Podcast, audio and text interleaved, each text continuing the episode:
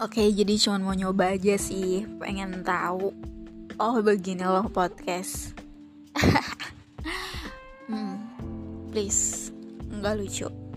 Oke, jadi gue mau curhat sih tentang beberapa hari terakhir ini yang gue rasa hmm, emosi gue tuh lagi labil banget. Cuma gara-gara masalah sepele.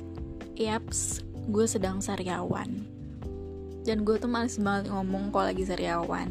Karena sakit kan perih. Tapi bodohnya gue tetap minum es. Tetap grogotin es batu. Om grogotin. Meletakin em bukan. Gadoin ya gadoin es batu. Terus um, makan yang pedes-pedes yang panas-panas. Ya karena kalau makanan nggak bisa kita cegah nggak bisa kita apa namanya nggak bisa kalau kita larang-larang makanan pasti. Tapi kalau ngomong males banget.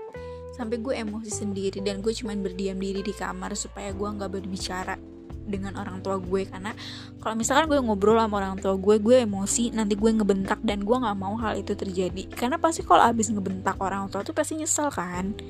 Dan gue merasa sangat bersalah banget kayak sedih. Kenapa gue harus begitu dengan orang tua gue.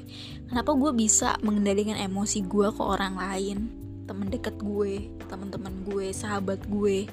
Tapi gue nggak bisa menahan emosi sama orang tua gue. Itu yang membuat gue sedih banget sih. Makanya gue kalau misalkan lagi kenapa-napa gue mending menghindar deh daripada nanti apa yang gue ucapin itu nyakitin mereka. Ya segitu aja hal yang tidak penting ini. Bye bye